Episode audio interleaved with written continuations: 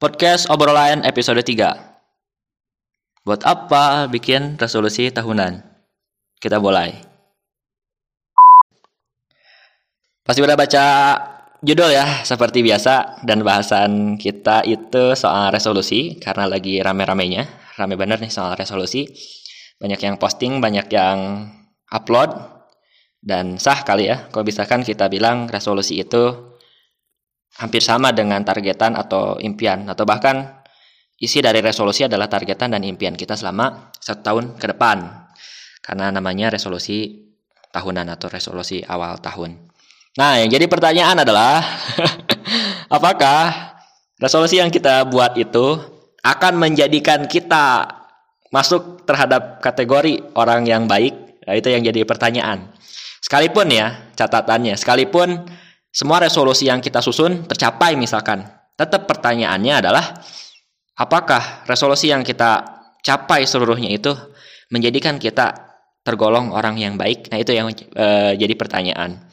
Dan untuk menjawab pertanyaan tadi, tentu kita harus menggunakan satu parameter orang baik itu seperti apa gitu ya. Manusia yang baik itu seperti apa dan pasti kita harus ngambil parameter ini dari orang atau manusia terbaik juga? Ya jelas, jawabannya adalah dari Nabi Muhammad SAW sebagai orang nomor satu paling berpengaruh di dunia sampai saat ini dan sampai akhir zaman yang saya yakini. Beliau bilang kalau bahwa gitu ya, manusia terbaik itu adalah manusia yang berguna atau bermanfaat bagi manusia lainnya. Ya, jadi teman-teman, sekeren apa pun resolusi kita gitu ya, dan kita bisa mencapai semuanya, kalau tidak berguna bagi orang lain, artinya itu tidak menjadikan kita bahwa sebagai orang yang baik.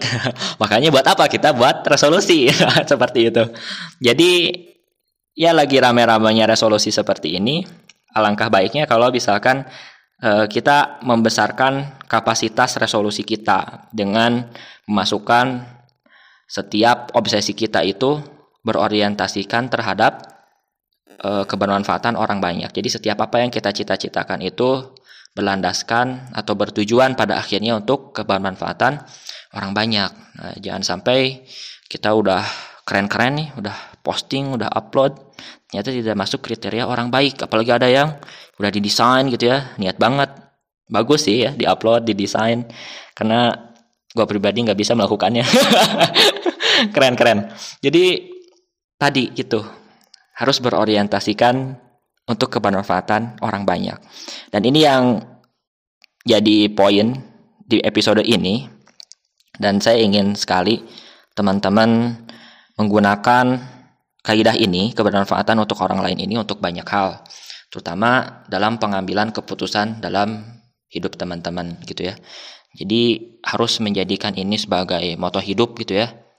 Bermanfaat untuk orang lain terutama mungkin dalam pengambilan profesi apa pun itu sangat bisa sangat bisa.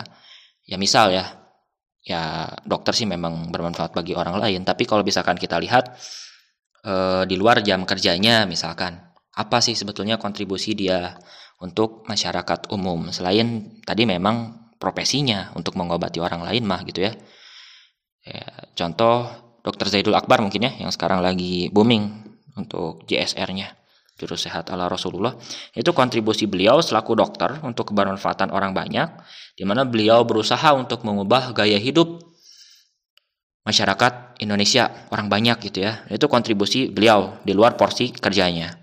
Atau seorang pengusaha bebaslah teman-teman. Mau jadi pengusaha ya sah-sah aja ingin kaya semua orang juga obsesinya sama ya boleh-boleh aja.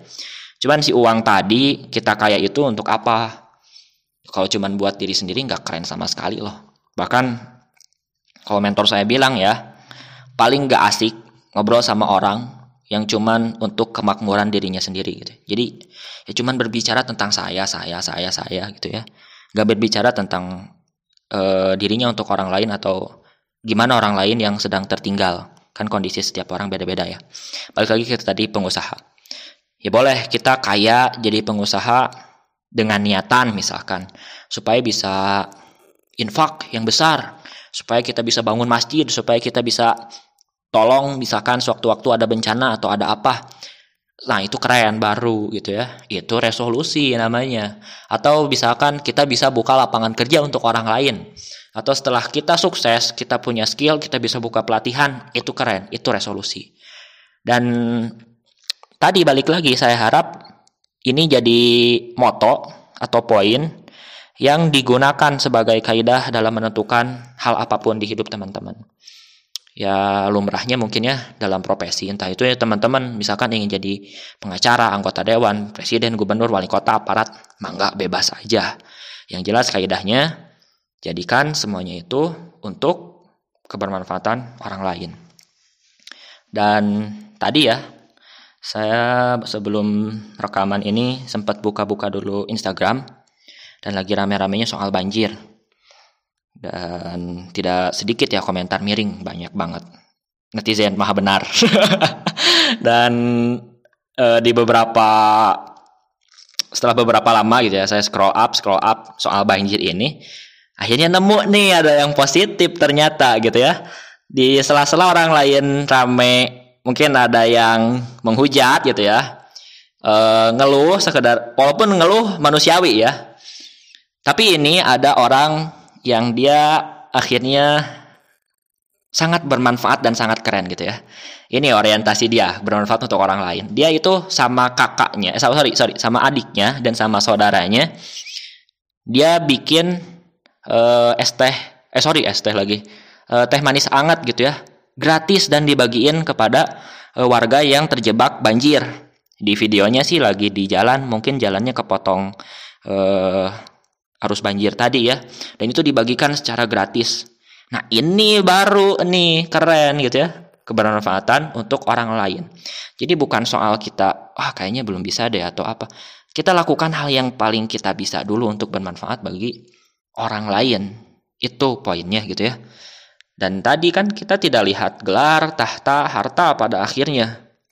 Yang kita lihat itu sebetulnya apa kontribusi orang lain dalam hidup kita. Begitu juga orang lain melihat diri kita, apa kontribusi kita untuk orang lain. Dan saya teringat, kalau nggak salah memang dokter Gamal ya yang bilang, manusia yang keren itu yang menjadikan tujuan hidupnya itu untuk ilmu, amal dan cita-citanya melebihi usianya. Jadi e, ketika memang kita berorientasi untuk kebermanfaatan orang lain, pasti nggak cukup selesai dalam usia kita. Dan ketika kita melakukan itu, pasti pada akhirnya akan ada yang mewarisi semangat kita untuk terus bermanfaat kepada orang lain. Contoh apa ya? Ya misalkan kasus HAM gitu ya, entah itu Munir Marsinah dan eh, tokoh-tokoh lainnya.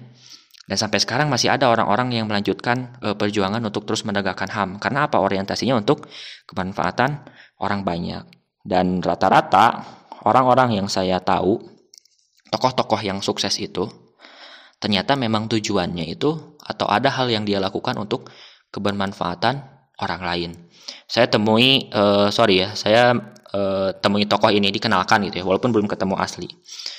Dikenalkan oleh seseorang, ada seorang pengusaha, dia punya 36 atau 37 usaha ya, skala nasional.